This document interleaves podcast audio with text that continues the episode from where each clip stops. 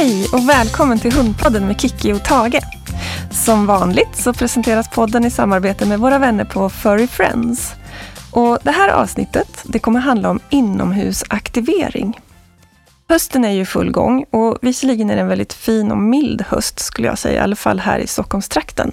Men ändå blir det ju lätt så att man inte är ute lika mycket som man är på sommarhalvåret. Och även om man tar sina dagliga motionsrunder och kanske även tar lite aktiveringsrunder ute, så det där med att bara vara ute och njuta av naturen eller trädgården eller vad man nu har att njuta av, eh, det blir ju inte riktigt på samma sätt. Och då kan det lätt bli så att hunden blir lite understimulerad och uttråkad. Och då kan det vara bra att tänka till lite extra på hur vi kan aktivera hunden inomhus.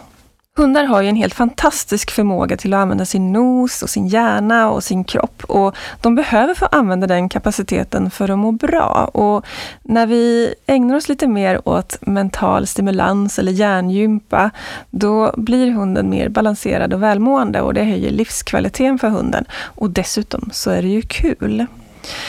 Det finns ju massor av olika aktiveringsleksaker och sånt som man kan köpa i affären. Men det finns också jättemycket man kan göra och hitta på med det som man har hemma. Och I det här avsnittet så tänkte jag ge några tips på, på bra aktivering som man kan göra av det som man redan har hemma. Och för att hänga upp det kring någonting så brukar jag och även andra ofta dela in mental stimulans eller aktivering i fyra olika kategorier. Inlärning, balans kroppskontroll, nosövningar och problemlösning.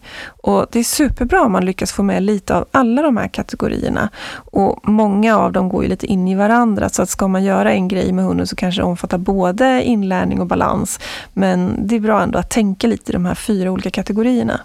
Och fundera gärna på vad du tror att din hund har störst behov av. Och en ledtråd där kan ju vara att utgå ifrån vad hunden kanske var menad att göra från början. Och jag som har en beagle som är avlad för att jaga hare, det vill säga spåra mycket, då får jag vara lite extra noga med att se till att han får nosstimulans.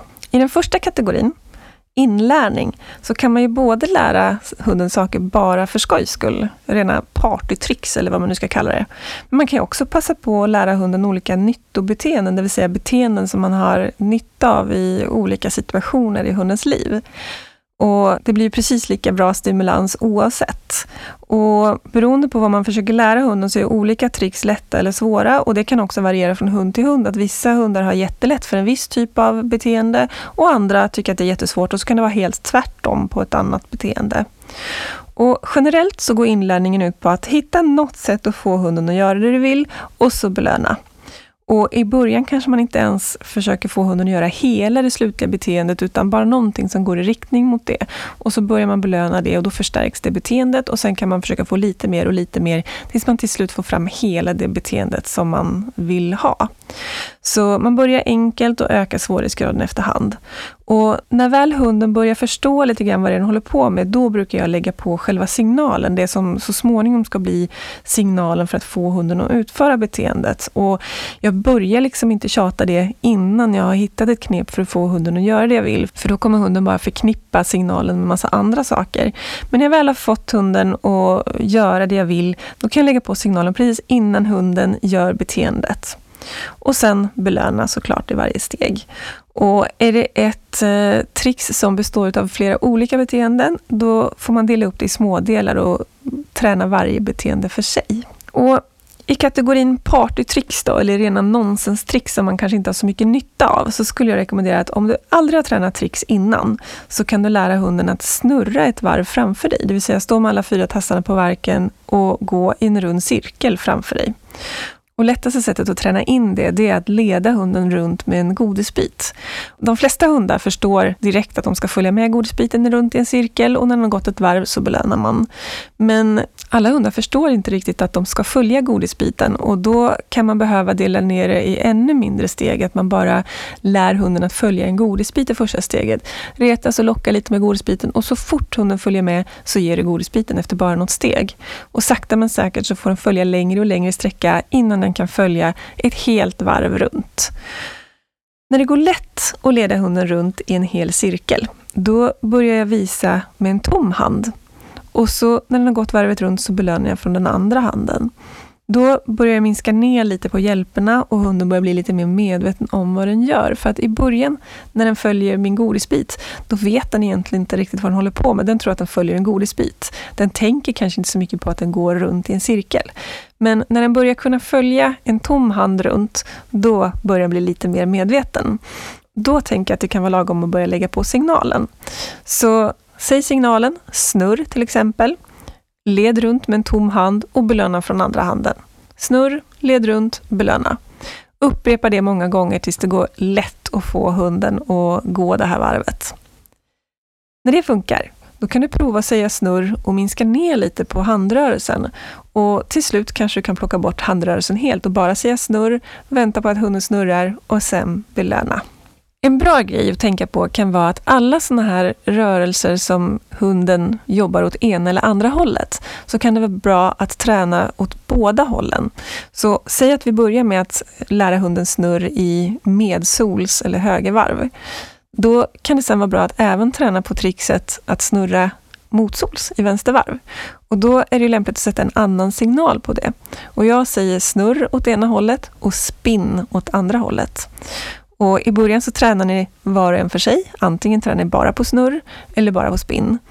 Men sen när de kan båda, då kan ni ta ett träningspass där ni testar om hunden helt enkelt kan signalen och lyssnar på vad du säger. Och prova att säga snurr och se om den snurrar åt rätt håll och spinn och se om den snurrar åt det andra hållet. När du väl har tränat tricks ett tag, då kan man gå på ett kanske lite svårare tricks som ändå är lite liknande det här med snurren. Och det är att lära hunden att gå i en åtta platta mellan dina ben. Om du står stadigt på marken med lite bredbent hållning så kan du leda hunden i början med hjälp av en godisbit i en åtta mellan dina ben. Och I början så leder du runt hunden och belönar efter varje sväng. Varje gång den passerar ett ben så får den en godisbit. Och så leder du runt nästa och ger godisbit, nästa ben och ger godisbit och upprepar tills det går lätt att få hunden att följa mellan benen. När det funkar så kan du göra precis som i snurr, att du börjar visa med en tom hand och belöna från andra handen. Led hunden och belöna. Och led hunden och belöna. Och när det funkar så kan du börja leda flera omgångar innan belöningen kommer, så att den till slut kan gå flera åttor innan den får sin belöning. Och när du upplever att hunden börjar förstå lite grann vad den håller på med, då kan du lägga signal på det här och säga åttan till exempel. Leda lite med handen och belöna. Och så småningom kan du minska ner mer och mer på, på signalerna från händerna och bara säga åttan som startsignal för beteendet.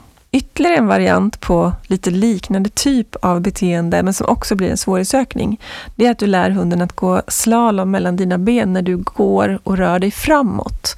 Du tar ett steg framåt och hunden går under ditt ben och så tar du ett steg framåt till så går hunden under benet igen så att den går zigzag eller slalom mellan benen samtidigt som du rör dig framåt. Och där rekommenderar jag att du börjar med hunden på ena sidan och så tar du fram benet som är längst bort från hunden och samtidigt som du tar fram det benet så håller du ner en godisbit mellan benen från utsidan, det vill säga bortifrån den sida där hunden inte är. Och så viftar du lite med godisbiten så att du får in hunden mellan benen och så leder du fram den och belönar ungefär i höjd med framför ditt knä. Samtidigt som du ger godisbiten så tar du fram det andra benet och så tar du ner den andra handen och visar mellan benen så att du kan locka in hunden under benet igen. Och så fortsätter du så. Belöna efter varje steg i början så att det blir lätt för hunden att göra rätt och visa tydligt med handen in under benet så att det är lätt för hunden att hitta rätt väg. När det här börjar gå bra så kan du lägga på en startsignal, slalom eller sack säger jag till Tage. Och då säger du sack och visar och belönar. Du kanske säger sack, visar ena benet, visar andra benet och belönar. Och så ökar du sakta men säkert svårighetsgraden så att han får gå längre och längre steg innan belöningen kommer. Du kan också öka svårighetsgraden genom att visa mindre och mindre så att hunden till slut startar självmant när du säger sack och sätter fram benet. Det var några exempel på partytricks eller nonsenstricks som du kan testa med din hund. Och om vi går över på den andra kategorin av beteenden eller tricks, det jag kallar för nyttobeteenden, då kan man ju tänka sig att allting som vi har nytta av att hunden kan, kan passa in i den kategorin. Ett exempel skulle till exempel kunna vara att man lär hunden att eh, hålla huvudet stilla så att jag får titta på tänderna. Då kan första steget vara att lära hunden att lägga hakan i min hand. När jag håller fram handen så får jag hunden lägga hakan i och belöna det. Och så småningom när hunden kan det, då kan jag lära den att jag kan kanske peta lite på nosen eller på läppen och så småningom att jag kan lyfta upp läppen och till slut kan pilla mer och mer utan att hunden släpper hakan från handen. Och för att lära in det här så börjar jag med att ta fram handen och belöna så fort hunden går dit och visar intresse för handen. Så så fort den närmar sig handen med, med hakan eller nosen så, så belönar jag. Lägg gärna belöningen i handen så blir det ännu större chans att hunden drar sig till handen igen nästa gång. Sen ökar du på sakta men säkert så att hunden till slut stadigt går fram och lägger sin haka i din hand så fort du håller fram handen. Jag använder signalen hakan för det här i kombination med en framsträckt hand med handflatan uppåt och då förstår Tage att han ska gå och lägga hakan i handen. Hakan i handen kan man även använda till andra saker. Ni kanske har hört talas om frivillig hantering och att man kan använda startknapp för olika saker. Det är egentligen ett kapitel för sig, ett eget avsnitt, men med startknapp så menar man att hunden på något sätt trycker på en slags virtuell knapp eller gör någonting som betyder att nu får du starta hanteringsträningen eller hantering av mig. Och ett exempel på startknapp skulle kunna vara att hunden lägger hakan i handen. Då funkar det så att jag lär in det här hakbeteendet och sen när jag vill använda det här som startknappsbeteende då gör jag så att jag håller fram handen, låter hunden lägga hakan i handen och så länge hunden har kvar hakan i handen så kan jag hantera hunden på olika sätt. Jag kan pilla på den, låta någon undersöka hunden, kanske känna på tassar, borsta den eller vad det nu jag vill göra. Så fort hunden lyfter hakan från handen så pausar jag. Så hundens startknapp är att lägga hakan i handen och paus eller stoppknappen är att lyfta upp hakan ur handen. Och på så sätt så kan hunden få kontroll över situationen. Och Det där är ett superbra trix som ger hunden kontroll över situationen och gör att jag på ett bra sätt kan lära min hund att bli hanterad på olika sätt. Så det kan jag varmt rekommendera. Ett annat liknande beteende som också kan användas för att hantera hunden på olika sätt och undersökas eller klippas klor eller vad det kan handla om, det är att lära hunden att ligga ner på sidan. Och då lär man ju in själva beteendet att ligga på sidan först och sen när det funkar så kan man använda det som ett slags startknapp eller startbeteende för att få hantera hunden. Så länge hunden ligger kvar platt på sidan så kan jag fortsätta pilla på den, borsta den, klippa klorna. Men lyfter den upp huvudet från marken eller försöker resa sig upp, då är den fri att göra det och så pausar jag min hantering. Och det här blir ett superbra sätt att hålla koll på att man inte går för fort fram med hanteringsträningen. Och vill jag lära hunden att ligga på sidan, då brukar jag börja med att lära den att ligga ner vanligt, det vill säga med magen neråt och ryggen uppåt och armbågarna i marken. När det funkar, då utgår jag från ligg och så matar jag hunden några gånger så att den inser att det lönar sig att ligga ner, att det är det vi ska göra det här tricket. Sen håller jag en godisbit framför nosen på hunden och för den lite åt sidan, bakåt, uppåt mot ryggen på hunden så att nosen och huvudet följer med lite runt så att hunden tippar över lite åt sidan när den försöker följa med godisbiten.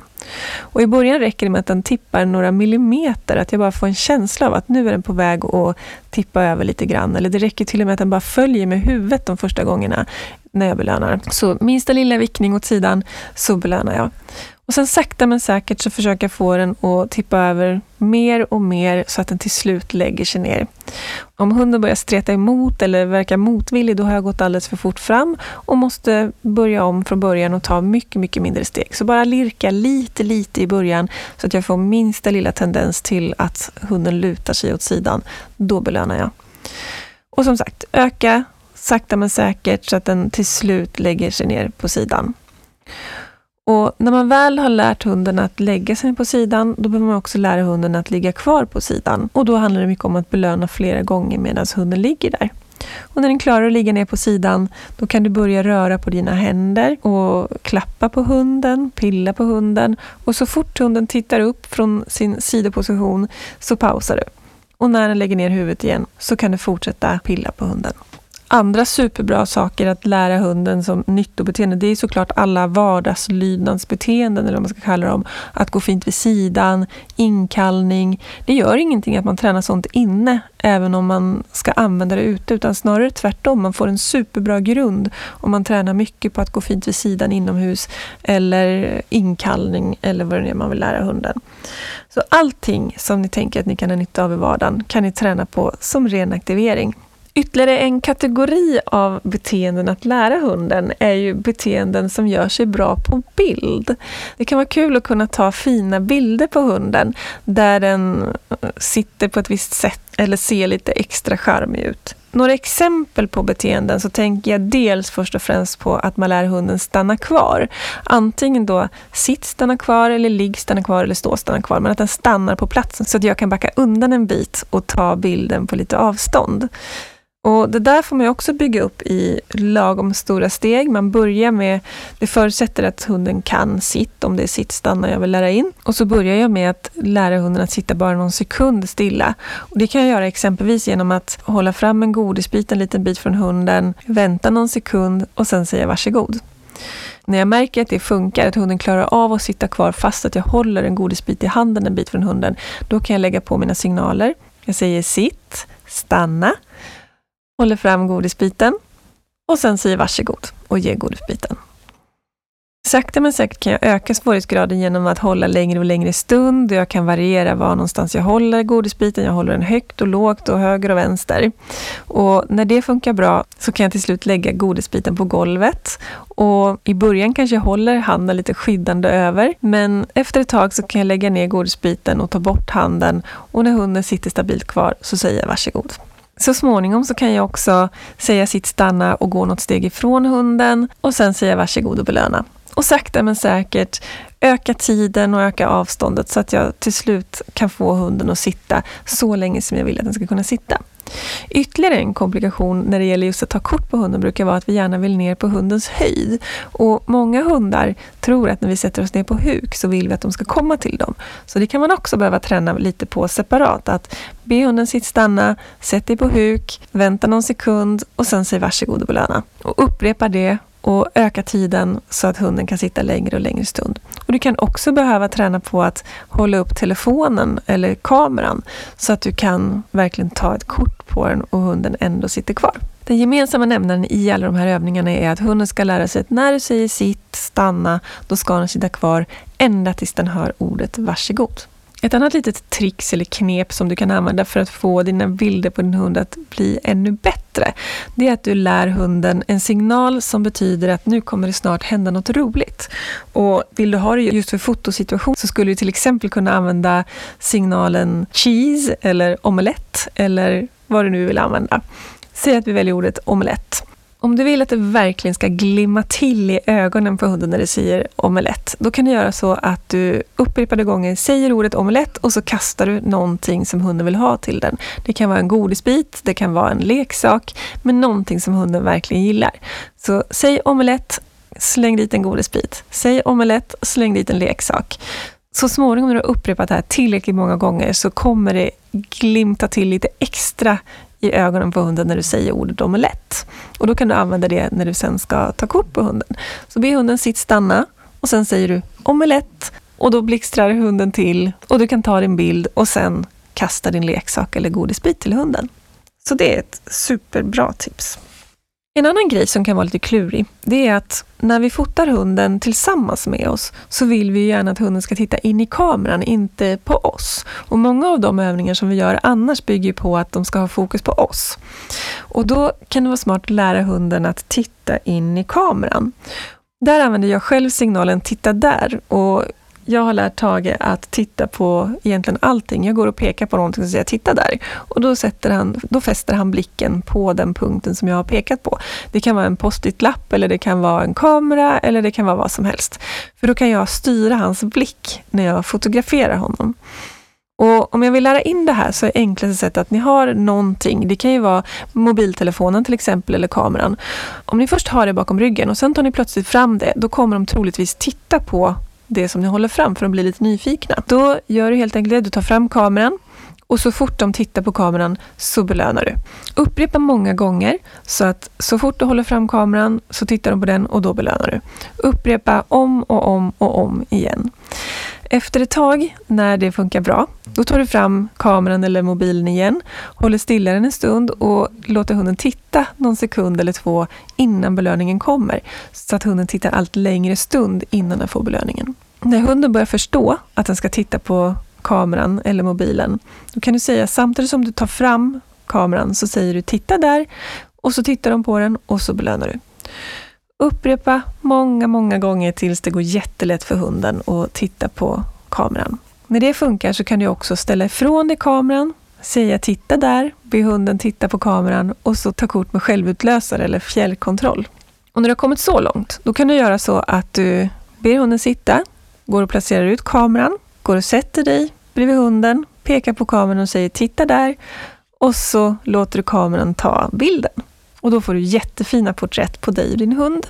Om du vill sätta lite extra krydda på era selfies, då kan du också lära hunden att titta fram bakom din axel. Att istället för bara sitta bredvid dig eller i ditt knä, så kan du be hunden sätta upp tassarna på din axel och kika fram vid sidan av ditt huvud. Det kan bli väldigt, väldigt gulligt. Det kan du lära in genom att locka upp hunden med en godisbit på dina axlar och belöna. Och upprepa många gånger tills det går lätt att få hunden att förstå vad du vill. När det går lätt att locka upp hunden på axeln så kan du säga den signal skulle vill ha, selfie till exempel. Säg selfie, klappa lite på axeln och när de hoppar upp så belönar du. Och när det går bra så kan du kombinera det med att titta in i kameran. Då kan du säga selfie, titta där och så tar ni bilden och sen belöna. Ja, där har du massor med olika beteenden som du kan ägna de mörka höst och vinterkvällarna åt att lära din hund. På temat inomhusaktivering så har jag även skrivit ett blogginlägg hos Furry Friends. Och I det blogginlägget så hittar du dels en liten sammanfattning av det som jag pratar om här i poddavsnittet, men också en steg för steg beskrivning av några av de övningarna som jag pratar om här. Du kan läsa inlägget på furryfriends.com och där finns även en hel del andra inlägg som jag har skrivit kring hundars beteende och tips och tricks. Och hörni, missa inte Furry Friends Instagram som jag brukar tipsa om, för där ligger det jättebra filmer med tips på flera olika aktiviteter som ni kan göra inomhus med Vove. Och på Instagram så heter de Furry Friends Family. Nästa kategori av aktiveringsövningar är balans kroppskontroll. Där är det egentligen bara fantasin som sätter gränser. Det man ska vara noga med är att man hela tiden tänker på säkerheten så att man inte lockar upp hunden på saker där den kan ramla ner och skada sig eller få ner en tass emellan någonting eh, eller så. Så att man hela tiden tänker lite grann på säkerheten. Och eh, en bra start skulle kunna vara att man lär hunden att balansera på en kudde. En soffkudde till exempel. Att få in alla fyra tassarna på en kudde och beroende på hur stor kudden är, hur tjock den är och hur stor hunden är så kan det bli olika svårt. En liten hund på en stor stabil kudde blir ju ganska enkelt men en stor hund på en liten kudde som dessutom är ganska tjock och fluffig, då kan det bli ganska utmanande att få in alla fyra tassarna på den här kudden. Som med allting annat så handlar det om att börja med något litet steg som hunden klarar.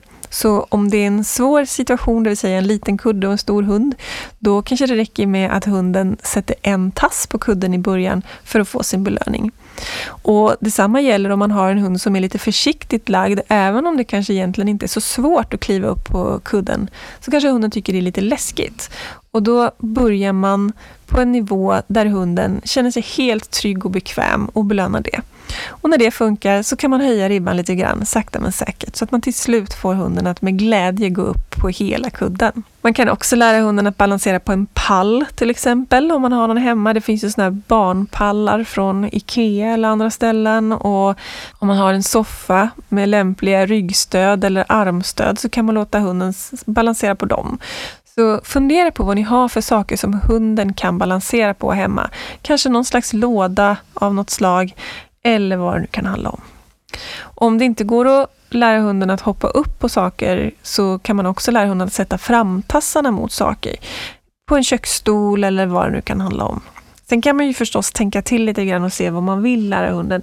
Vill man inte lära hunden hoppa upp på köksbordet eller sätta framtassarna mot diskbänken, då kanske inte just där man ska träna. Men då kan man träna på andra saker. När du har lärt hunden balansera på olika saker, då kan du ju också sätta ihop olika föremål till en inte nudda golvbana. Kanske kan du bygga en bana i hela vardagsrummet där den kan hoppa mellan fåtöljer och soffor och soffkuddar och pallar och eh, så vidare. Så att den får liksom verkligen utmana sig själv och ta sig över den här banan. Följ med hunden runt och belöna så ofta som det behövs för att hunden ska tycka att det är kul att gå banan. En annan sak som handlar om kroppskontroll är att lära hunden att krypa under saker. Om du till exempel har ett kvastskaft eller en boppskaft hemma så kan du lägga det på två stolar och så kan du lära hunden att gå under eller krypa under. Och beroende på hur stor hund du har så får du såklart anpassa höjden på det här kvastskaftet så att, så att det blir lagom svårt. Och i början så ska det inte vara så svårt utan då ska det vara nästan lika högt som, som hunden är hög så att den inte behöver krångla för att komma under.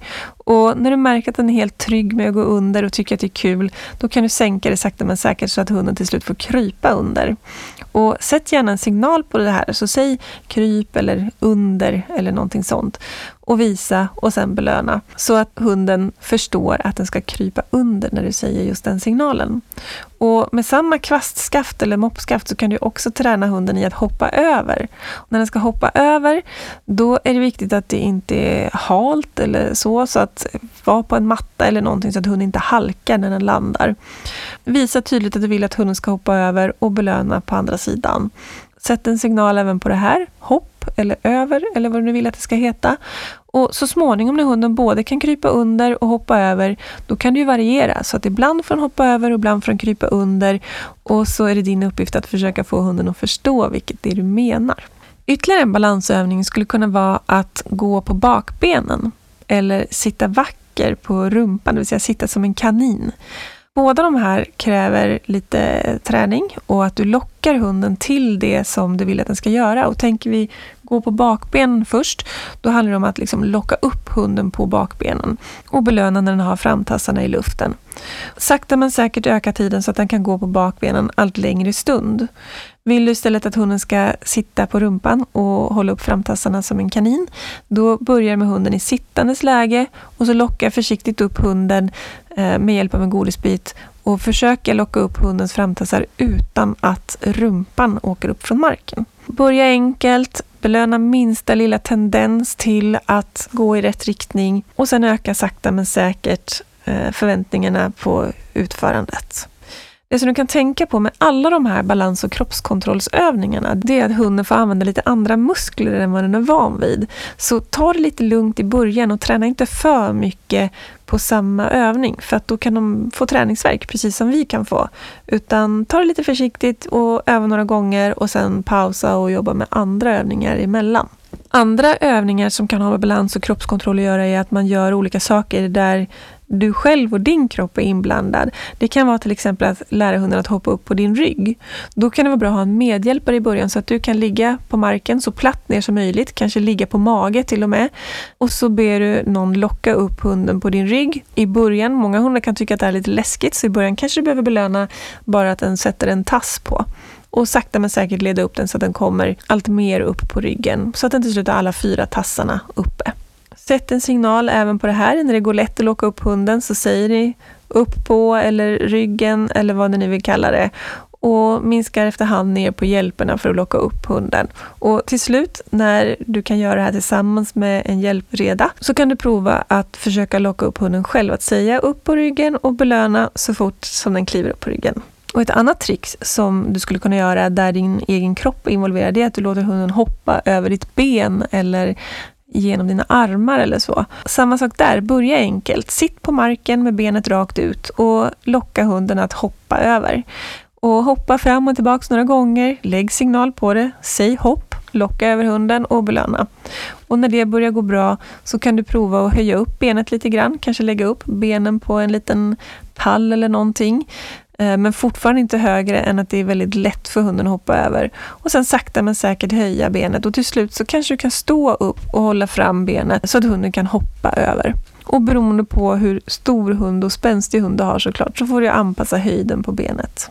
Det var lite olika aktiveringsövningar som eh, hamnar inom kategorin balans och kroppskontroll. Och som sagt, tänk på säkerheten så att hunden inte gör illa sig och lägg upp det i lagom stora steg. Både med avseende på hundens eh, förståelse för övningen men också med tanke på den fysiska ansträngningen så att den inte får gå från att inte ha gjort den här typen av övningar alls innan till att jobba alldeles för mycket med utan ta det lite varligt så att den inte får varken träningsverk eller skador.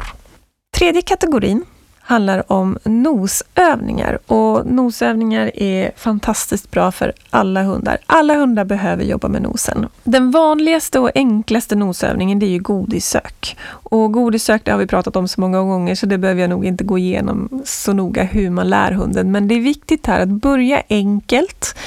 För att hunden vet ju inte vad ordet sök eller leta betyder. Så att i början så kan du bara behöva rulla iväg en godisbit ett par decimeter och säga sök för att hunden ska kunna hitta den. Och sen sakta men säkert öka svårighetsgraden tills den hittar godisbiten i alla möjliga olika situationer. Och om hunden ger upp innan den hittar godisbiten, då har du helt enkelt gjort det lite för svårt och får göra det enklare nästa gång. Ett sätt att utveckla godissöket, det är att du gömmer godis på spännande platser. Det kan vara i källaren eller på vinden eller högt upp inne i rummet. Att du gömmer godisbiten lite högre upp än vad hunden egentligen når så att den får ställa sig på bakbenen för att nå upp. Bor man i lägenhet så kan man gömma godis i trappuppgången och så vidare. För att så fort man är på en liten annorlunda plats med andra dofter än de som hunden är van vid så blir det lite svårare. Plus att jag tycker mig märka att de flesta hundar de lär sig vart vi brukar gömma godisbitarna så att det blir lite fusk. De går runt och letar på alla ställen där det har funnits en godisbit tidigare. Och då kan man ju utmana dem lite extra Dels genom att själv göm, försöka vara kreativ och gömma på andra ställen än där man brukar. Men också genom att vara på nya platser. Så gå ut i trappuppgången eller ner bland källarförråden eller ner i din egen källare om du bor i villa. Och hitta spännande platser att gömma i. Lite närbesläktat med godissök det är att man låter hunden leta efter en leksak. Och om hunden tycker att leksaker är roliga så är det här en jätte jättebra övning. Och då behöver man inte ha någon godis som belöning, utan då räcker det med att den hittar leksaken och att man leker en stund tillsammans med den som belöning. För att göra den övningen så retas du lite med leksaken, ber hunden stanna eller ber någon hålla hunden så att du kan springa iväg till ett annat rum, gömma leksaken och sen gå tillbaka till hunden och säga att den ska leta efter leksaken. Följ med och håll koll på hunden och när den väl hittar leksaken så belönar du genom att ni leker jättekul tillsammans. Det du kan tänka på här också, som i alla andra övningar, det är att gör det inte för svårt i början.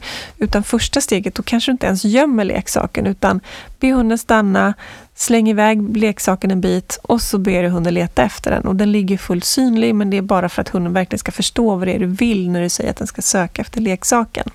Och lek som belöning och sen gör om. Sen kanske nästa steg är att du bara går in i rummet bredvid, slänger leksaken där fullt synligt på golvet, går tillbaka och be hunden söka efter leksaken.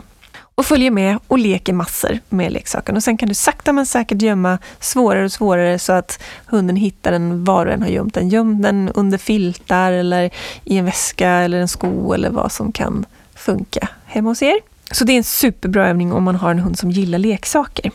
Men även om man inte har en hund som gillar föremål eller om man vill lära den även leksakstokiga hunden att eh, leta efter mer för hunden ointressanta föremål så kan man också lära den att söka efter föremål och belöna med godis. Och Det kan till exempel vara bra att lära hunden att hitta dina nycklar eller din plånbok eller din telefon. Jag är sån som tappar bort sådana saker för jämnan så för mig är det väldigt bra att Tage kan hitta alla saker som, som doftar av mig. Och Samma sak här. Börja från början, gör det väldigt enkelt. Ofta funkar det att bara med ren nyfikenhet få hunden att gå fram och nosa på ett föremål och då belöna med godis. Och I så fall gör det så att du helt enkelt ber hunden sitta, stanna, går iväg, lägger ut föremålet en liten bit fram, två meter bort från hunden, går tillbaks till hunden och ber den söka efter föremålet. Säg hitta telefonen till exempel. Och troligtvis kommer hunden gå fram till telefonen då eftersom du precis har lagt ut den på golvet. Och så fort den sätter nosen mot telefonen så ger du den en godisbit. Och lägg gärna godisbiten på telefonen för då kommer du öka chansen att hunden går dit nästa gång igen. Upprepa det här många gånger tills hunden går fram till telefonen varje gång och sen börjar du att gå och gömma telefonen lite grann. Så gå runt ett hörn, lägg den där, gå in i ett annat rum och så småningom så kan du gömma den svårare och svårare och belöna varje gång med supergott godis. Om hunden inte är intresserad av föremålet alls i början, då kan du göra så att de första gångerna så lägger du en godisbit under telefonen eller föremålet. Så att hunden får putta bort föremålet för att komma åt godisbiten. Och så upprepar du det kanske tio gånger. Och sen lägger du ut föremålet utan godis under. Då vet ju hunden att det brukar finnas godis där. Så troligtvis så kommer den gå fram och nosa vid föremålet. Och då är du snabbt där och ger en godisbit på föremålet. Och sen kan du gärna varva. Nästa gång kanske du lägger en godisbit under och sen kör du en gång utan. Och så varvar du så några gånger tills du märker att nu behöver du inte lägga godisbit under någon enda gång längre utan det räcker med att du är där och belönar så snabbt som möjligt när hunden väl sätter nosen mot. På motsvarande sätt så kan du lära hunden att leta efter olika saker som doftar. Det kan vara en kanelstång eller te eller doften eukalyptus som i nosework, hundsporten nosework som vi har ett helt avsnitt om i Hundpodden med Kiki och Fanny. Så samma sak där. Börja väldigt, väldigt enkelt. Belöna så fort hunden är i närheten av doften och öka sedan sakta men säkert svårighetsgraden. Den sista kategorin av aktiveringsövningar är problemlösning. Problemlösning är alla övningar där hunden får liksom klura lite grann och fundera på hur den ska kunna lösa ett problem. Ett exempel på det här är en av mina favoritövningar, godis i handduk. Att man gömmer en godisbit i en handduk eller en filt och så får hunden hålla på och krångla och böka och fixa dona för att få fram den här godisbiten. Och samma sak här som i alla andra övningar, börja superenkelt och öka svårighetsgraden efterhand. När det gäller godis i handduk, då brukar jag rekommendera att man bara lägger in godisbiten lite, lite under ett hörn första gången, så att hunden bara får putta undan hörnet för att komma åt godisbiten. Och det är av två anledningar. Dels för att jag vill att det ska vara så lätt att hunden inte ger upp. Och dels för att jag vill att hunden ska lära sig att den kan liksom putta putta med nosen och böka sig fram till godisbiten. Om jag gör det för svårt från början, att jag verkligen viker in den i handduken, då är det stor risk att hunden börjar bita sig igenom handduken för att komma åt godisbiten. Och det vill jag ju inte att den ska göra. utan Jag vill att den ska hålla på och böka och putta och greja tills den till slut kommer runt handduken för att komma åt godisbiten. Och det är också stor risk om jag gör det för svårt från början att hunden ger upp och helt enkelt inte försöker kämpa för att få den här godisbiten. I början så lägger man den alltså bara under ett hörn. Sen så småningom så lägger man den längre in under handduken. Sen lägger jag den i handduken och viker en gång. Så småningom så kan jag vika flera gånger. Och till slut, när jag har tränat det här tillräckligt länge, så kan jag lägga godisbiten i handduken, rulla ihop handduken och knyta en knut på den. Och I början drar jag inte åt så hårt, men till slut så kan jag faktiskt dra åt ganska så hårt om hunden har lärt sig det här sakta men säkert. Och så får hunden hålla på där och böka och ruska och krångla och ha sig för att få fram den här godisbiten. Och då brukar det faktiskt ta lite stund för dem att lösa det här. Kanske man kan hålla hunden sysselsatt en 5-10 minuter. Och det här är en superbra övning att göra medan man själv inte har tid att ägna sig till 100% för hunden utan man kanske sitter vid datorn eller tvn eller håller på att laga mat. Då kan man fylla på handduken med jämna mellanrum och så kan hunden sysselsätta sig själv en stund. Eller om man har besök och hunden har svårt att koppla av.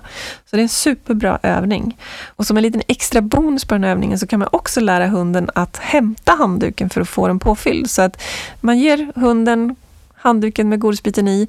Den går iväg och pysslar och grejer med det här en stund och när den har hittat godisbiten så kommer den tillbaka med handduken och ber mig fylla på. Och då har man ju verkligen en superbra övning som går smidigt att göra när man håller på med någonting annat. En annan typ av problemlösning kan vara att man häller i godis eller mat i en petflaska. Då får hunden hålla på och böka och greja med den här flaskan och klura på hur den ska få ut godisbitarna. Vill man göra det riktigt svårt för hunden, om den är van med den här övningen, då kan man till och med sätta på locket på flaskan så att den måste pilla av det först innan den kan komma åt godisbitarna. Och först kör man såklart utan lock och gärna med många godisar eller matbitar i flaskan så att det lätt ramlar ur godisbitar så att inte hunden ger upp för snabbt. Och så småningom när hunden kan det här väl, då kan jag börja skruva åt locket lite, lite så att det ramlar av bara hunden petar på locket. Men så småningom så kan jag skruva åt locket allt hårdare.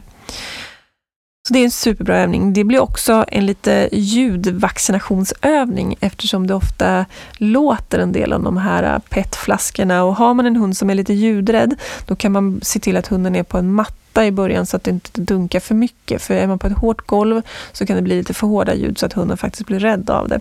Så börja försiktigt på en matta och sen öka svårighetsgraden efterhand. Ytterligare ett exempel på problemlösningsövningar är att man ger hunden godis i olika typer av kartonger. Det kan vara att man har ja, men, så här, teförpackningar över eller mjölkkartonger. Eh, Tages favorit är havremjölkskartonger. De älskar han och där behöver jag inte ens stoppa något godis i utan det räcker med att det är lite havremjölk kvar i så slickar han i sig det när han har lyckats slita isär den här kartongen. Och det blir ju både en problemlösning att kunna få upp den här kartongen på något sätt och komma åt innehållet.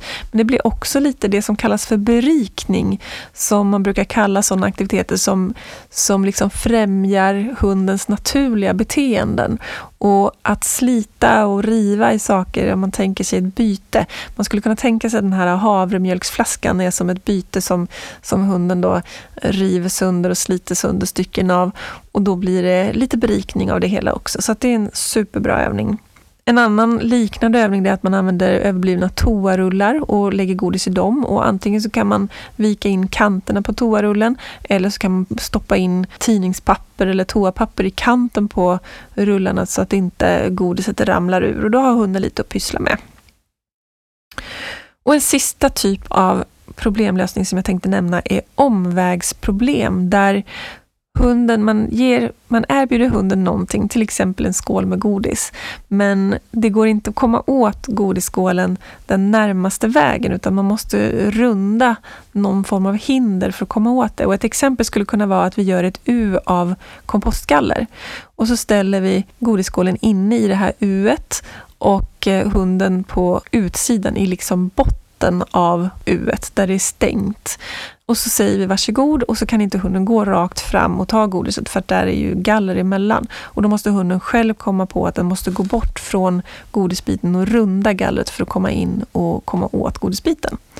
Den typen av omvägsproblem kan man ju klura på om man kan hitta på något sätt att arrangera för hunden. Och har man till exempel, lite beroende på hur det ser ut hemma, om man har en planlösning där det finns flera dörröppningar in till samma rum till exempel, då kan man ju tänka sig att man gör någon slags omvägsproblem där man lägger in en eh, leksak eller man själv går in bakom en dörr, lockar på hunden och så kan den inte själv komma in genom den dörren utan den måste gå runt och ut i hallen och in genom den andra dörren för att nå fram till den. Och då får hunden också använda sin, sin förmåga att lösa problem för att kunna komma till mig. Där var massor av tips på övningar i både kategorierna inlärning, balans kroppskontroll, nosövningar och problemlösning. Och med dem som utgångspunkt så kan du säkert själv tänka ut massor av andra eh, roliga aktiveringsövningar som ni kan göra inomhus nu när det är lite ruggigt ute och mörkt ute. Och eh, generellt så kan man tänka på att olika hundar har olika lätt för olika saker. Och då kan det vara smart att kanske varva lite sådana saker som hunden tycker är lätt och som du tycker är lätt, för då, då bygger det självförtroende och hunden får chans att verkligen lyckas. Sen kan det vara bra att ändå inte helt ge upp på de där som är lite svåra och kluriga, för att det blir bättre aktivering ju längre hunden får hålla på med en övning. För att går det allt för lätt, då blir det liksom inte så mycket mental stimulans. Och då kan det vara bra att ta några av de här lite svårare nötterna, nötterna och knäcka. Kämpa lite med dem för att både träna sig själv som hundtränare och för att ge hunden lite utmaning. Men det som är viktigt är att man då bryter ner den här övningen i olika steg så att hunden ändå får chans att lyckas under resans gång.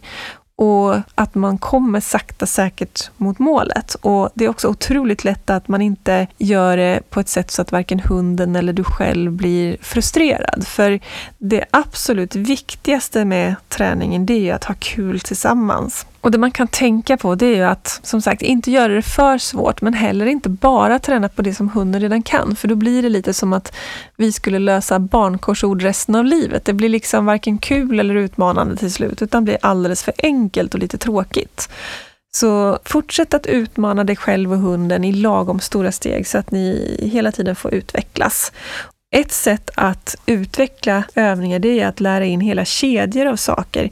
Jag tänker till exempel på att lära hunden att städa in alla sina leksaker i leksakskorgen efter att man har lekt. Då ska ju hunden både kunna leta upp leksakerna, bära tillbaka dem och lägga dem i korgen. Så där har man lite grann att jobba med. Och man kan också lära hunden att städa upp alla de här kartongbitarna som blir efter att man har låtit hunden riva och slita i kartonger till exempel. Och då får man lite extra utmaningar så att man inte gör det allt för enkelt för hunden och sig själv. Men som sagt, det viktigaste av allt det är att ha kul tillsammans. Så jag hoppas att du fått massa roliga tips som du kan gå in och prova nu och glöm inte blogginlägget på furryfriends.com där du får delar av det jag har sagt i avsnittet i skriftlig form och lite steg för steg förklaringar till några av övningarna. Lycka till! Innan vi rundar av det här avsnittet så vill jag tipsa om att du kan följa oss på sociala medier. Både jag och Hundpodden finns på Facebook och på Instagram. Sök på Kiki Felstenius och på Hundpodden med Kiki och Tage så hittar du oss. På mitt eget konto så får du följa mig i min vardag som hundpsykolog och jag delar med mig av tips och råd och inspiration. Och på Hundpoddens konto så hittar du bilder på våra gäster, får följa med in bakom kulisserna och en massa annat. Vi har även en webbsida, hundpodden.se, där du hittar information om podden inklusive alla avsnitt och extra material. Tusen tack för att du lyssnar på Hundpodden med Kiki Felstenius och Tage the Beagle. Ha en underbar dag!